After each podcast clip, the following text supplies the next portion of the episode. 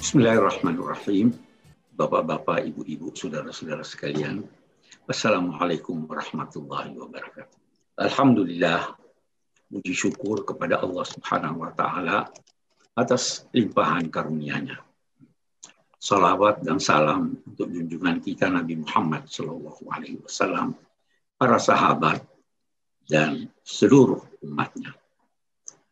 Uh, kita akan berbicara tentang Rasulullah Shallallahu Alaihi Wasallam dengan mengangkat atau dengan bertitik tolak dari upaya bertadabur, upaya memahami kandungan surah At-Taubah.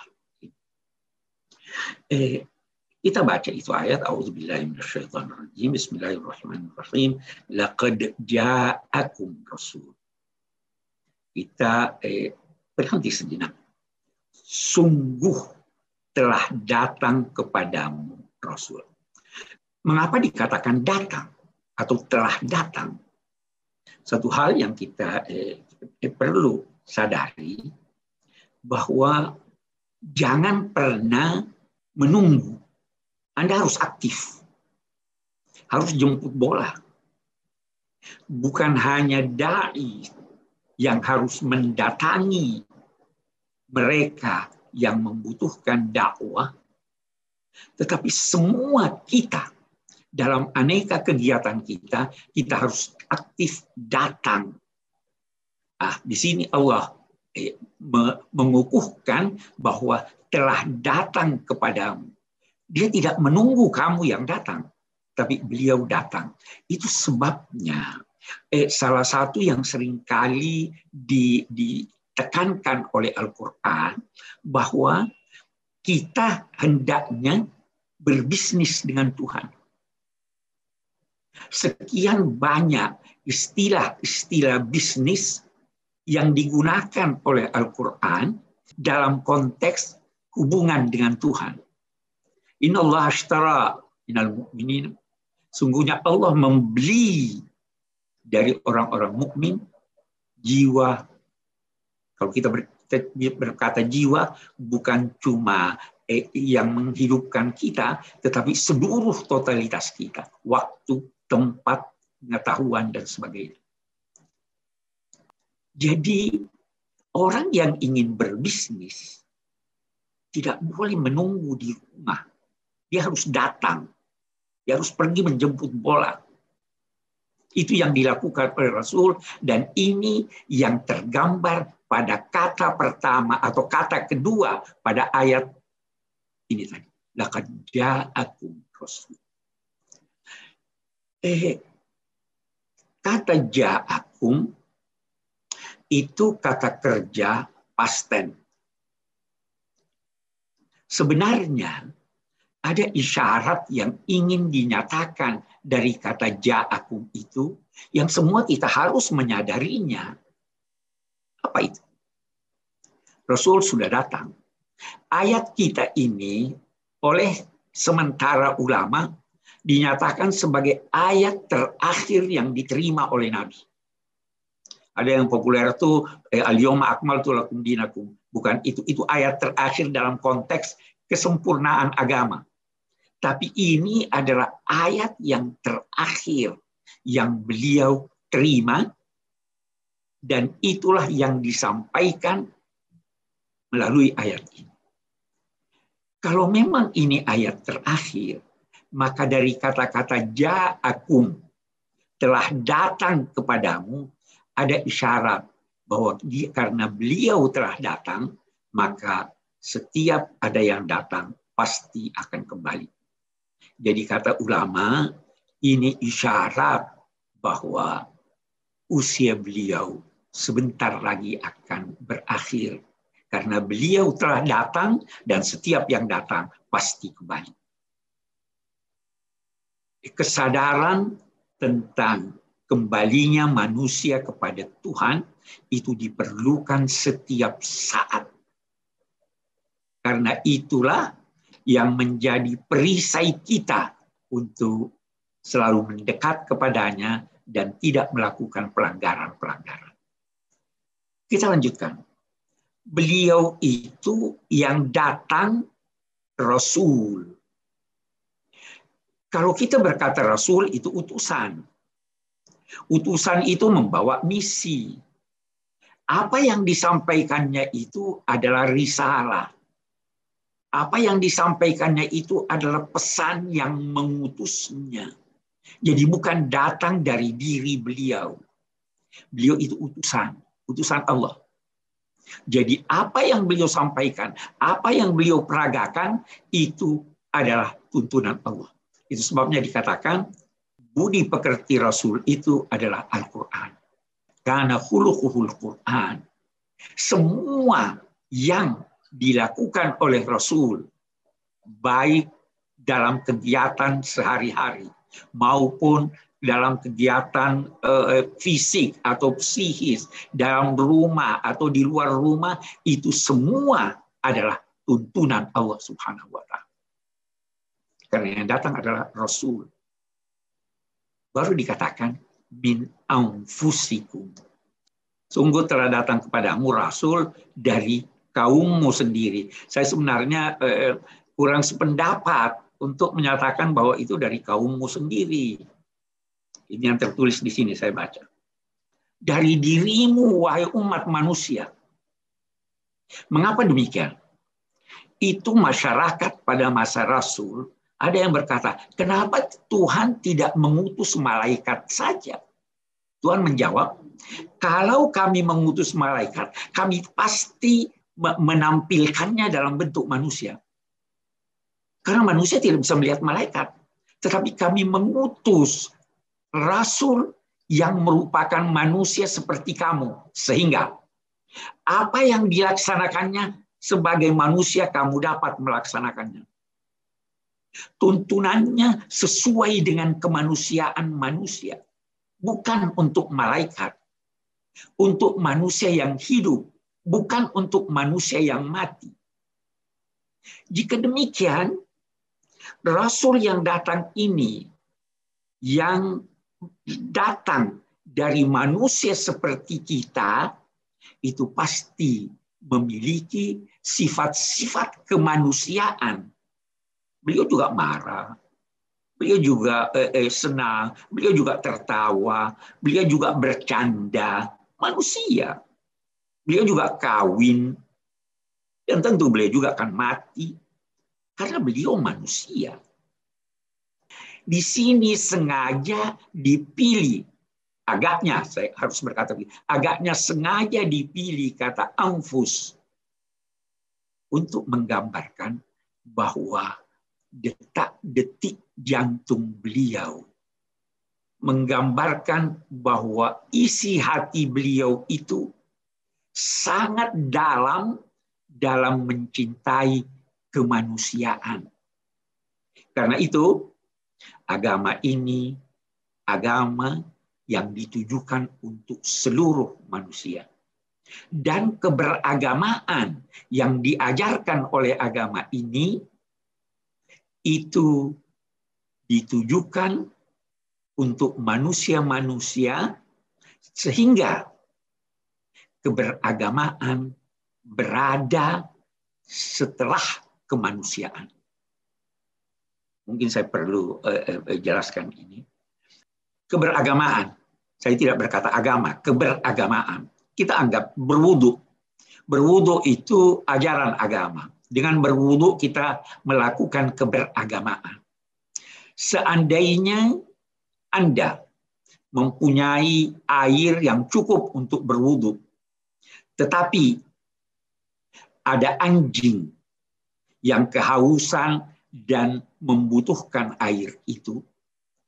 Karena agama ini mendahulukan kemanusiaan atas keberagamaan, maka Anda diharuskan memberi minum anjing itu dan tidak perlu berwudhu dengan air yang tersedia atau yang hanya tersedia untuk kebutuhan anjing. Demikian seterusnya. Itu eh, makna yang kita bisa tarik dari kata-kata amfusikum. Ah, baik. Rasul adalah manusia seperti kita. Tetapi Allah memerintahkan Rasul menyatakan hal tersebut dengan berkata, Kul katakanlah innama ana basyarum mislukum. Saya ini manusia seperti kamu. Tapi tidak berhenti di sana. Yuha ilayya. Aku mendapat wahyu. Aku mendapat bimbingan Tuhan. Kalian manusia dengan sifat-sifat kemanusiaan kalian, tetapi aku juga manusia. Yang membedakan aku dengan kalian adalah tuntunan wahyu. Tuntunan wahyu itulah yang membentuk kepribadian beliau dan tuntunan wahyu itulah yang dijelaskan oleh beliau dengan ucapan, perbuatan, bahkan sikap diam beliau. Itulah risalah Eh, surah ini, surah At-Taubah ini dimulai berbeda dengan surah-surah yang lain tanpa basmalah. Surah At-Taubah ini dimulai dengan pernyataan Tuhan bahwa Allah dan Rasulnya berlepas diri dari orang-orang yang mendurhakai Allah dan Rasulnya berat pernyataan itu. Surah At-Taubah ini berbicara tentang eh, kesulitan-kesulitan yang dihadapi oleh sahabat-sahabat Rasulullah. Dia berbicara tentang perang Uhud di mana gugur 70 orang sahabat Nabi. Maka lanjutan ayat ini menjelaskan bagaimana sikap Rasul terhadap hal-hal tersebut. Azizun alaihi ma'anittu. Sangat menginginkan kebaikan untuk kamu. Bukan hanya keimanan dan keselamatan, kebaikan, aneka kebaikan diinginkannya, sangat diinginkannya untuk kamu. Azizun alaihi juga berarti sangat berat hatinya menyangkut apa yang memberatkan kamu. Harisun alaikum sangat ingin agar supaya kamu terus menerus mendapat kebaikan. Karena itu, kembali kepada yang pertama. Apa yang kamu alami dari kesulitan-kesulitan, yang telah berlalu yang diceritakan dalam surah ini, ketahuilah bahwa itu bukan atau tidak lain kecuali dalam konteks mendidik kamu. Kalau melihat dari kesulitan itu, Rasul sangat berat memikulnya.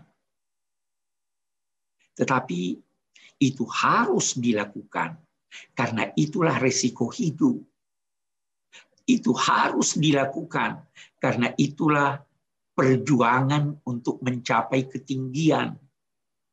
Ibu sedih, berat hatinya untuk menyapi putranya. Tetapi itu harus dilakukannya demi kebaikan putranya. Hidup ini tidak pernah luput dari kesulitan. Tapi itulah cara atau salah satu cara untuk mendekatkan diri kepada Allah untuk menggembleng jiwa agar supaya kita mencapai ketinggian. Dalam beberapa ayat, apa hasibtum antarkhulul jannah? Apakah kamu kira bisa masuk surga berleha-leha? Apa kamu kira kamu masuk surga sebelum kamu mengalami ujian yang beraneka ragam? Sampai-sampai Rasul dan orang-orang mukmin karena lamanya ujian itu dan beratnya ujian itu berkata, kapan datangnya kemenangan dan bantuan Allah? Allah berkata, sebentar lagi. Nah, jadi harisun alaikum baru dikatakan bil mu'minina raufur rahim. Rauf dan rahim. Uh, amat belas kasih lagi penyayang terhadap orang beriman. Itu terjemahannya yang saya baca di sini. Mari kita lihat eh, apa sebenarnya makna yang yang dikandung oleh kata rauf dan rahim. Eh, kita lihat dulu rahim. Untuk kita lihat nanti rauf. Rahim itu rahmat. Rahmat itu adalah keperihan hati. Rahmat buat manusia. Keperihan hati yang mendorong manusia untuk melangkah agar keperihan tersebut terhindar atau tertanggulangi bagi objek yang menderita. Keperihan hati melihat ketidakberdayaan orang lain yang mendorongnya melangkah untuk menanggulangi sebab-sebab keperihan itu. Itu rahim. Tidak rahim seseorang kalau hanya merasakan keperihan dalam hatinya tanpa melangkah untuk menanggulangi keperihan itu. Itu sebabnya kata Imam Ghazali, manusia yang rahim itu beda dengan Tuhan yang rahim. Tuhan tidak merasakan keperihan. Tuhan menganugerahkan rahmat hanya karena belas kesihannya. Dia tidak merasakan apa-apa. Tapi manusia yang rahim harus merasa keperihan, merasakan keperihan orang. Nah, ini kita kembali melihat tadi min amfusikum. Rasul menyadari, mengetahui detak-detik dan penderitaan manusia sehingga dia merasakan penderitaan itu dan rahmatnya mendorong beliau untuk melangkah melakukan upaya penanggulangan rahmat itu. Rauf, Rauf itu oleh ulama dikatakan berbeda dengan rahim. Rauf itu adalah rahmat yang sangat besar yang dianugerahkan kepada pihak lain sesuai kapasitas dan kemampuan pemberi rahmat itu. Sedang rahim adalah rahmat yang dianugerahkan seseorang kepada pihak lain sesuai kebutuhan yang dirahmati itu. Kita lihat bedanya. Rahim, rahmat tidak sebesar rauf. Rahim, Anda menganugerahkan sesuatu untuk memenuhi kebutuhannya. Rauf menganugerahkan sesuatu sesuai kemampuan Anda sehingga jika Anda mampu, katakanlah, jika Anda berpenghasilan, katakanlah eh, eh, 10 juta, ada orang yang membutuhkan, katakanlah 100 ribu, maka Anda memberikan kepadanya 100 ribu, itu manifestasi dari rahmat Anda kepadanya. Karena rahmat ditujukan kepada objek sesuai kebutuhannya. Tetapi kalau Anda bersifat rauf, Anda tidak lihat 100 ribunya. Anda berkata, saya punya 10 juta. Saya akan berikan dia apa yang melebihi kebutuhan. Jadi beda rauf dan rahim. Kita punya, eh, eh, maaf bapak-bapak, eh, bahasa Indonesia itu tidak sekaya bahasa Jawa. Dan bahasa-bahasa di dunia ini tidak sekaya bahasa Al-Quran. Bahasa Inggris ditaksir hanya 6 juta kosakata. Bahasa Arab itu 12 juta kosakata. Sehingga dengan dengan mudah kita dapat memilih kosakata untuk masing-masing yang dimaksud oleh apa yang kita bicarakan. Allah memilih kosakata itu sedemikian rupa sehingga kata-katanya, susunannya mengandung makna-makna yang tidak bisa dijelaskan melalui penerjemahan Al-Quran. Itu tugas tafsir. itu pun belum tentu bisa eh, mencapai seluruhnya. Eh, Rauf dan Rahim adalah dua sifat Allah. Tidak ada manusia yang disebut di dalam Al-Quran yang menyandang kedua sifat ini kecuali Nabi Muhammad Shallallahu Alaihi Wasallam. Sangat istimewa. Nah, ada ada satu hal dalam konteks rahmat saya ingin katakan begini. Eh, kita sering kali mendengar wa ma arsalnaka illa rahmatan lil alamin. Itu biasa diterjemahkan kami tidak mengutusmu kecuali untuk membawa rahmat bagi seluruh alam. Bukan itu maksud ayat ini. Kami tidak mengutusmu kecuali engkau, Allah, risalahmu adalah rahmat untuk seluruh alam. Jadi kami menunjuk Allah. Tidak mengutusmu menunjuk adanya risalah. Engkau pembawa risalah. Sumber yang mengajarkan risalah ini risalah itu, yakni misi keagamaan itu, dan Nabi yang menyampaikannya semuanya adalah rahmat. Kalau begitu, Nabi tidak membawa rahmat, tetapi beliau adalah rahmat. Kalau Anda berkata si A membawa uang untuk membantu, belum tentu dia yang membantu, tapi dia sekedar membawa. Muhammad tidak membawa rahmat, tetapi beliau adalah rahmat, risalahnya rahmat, dan Allah maha rahmat.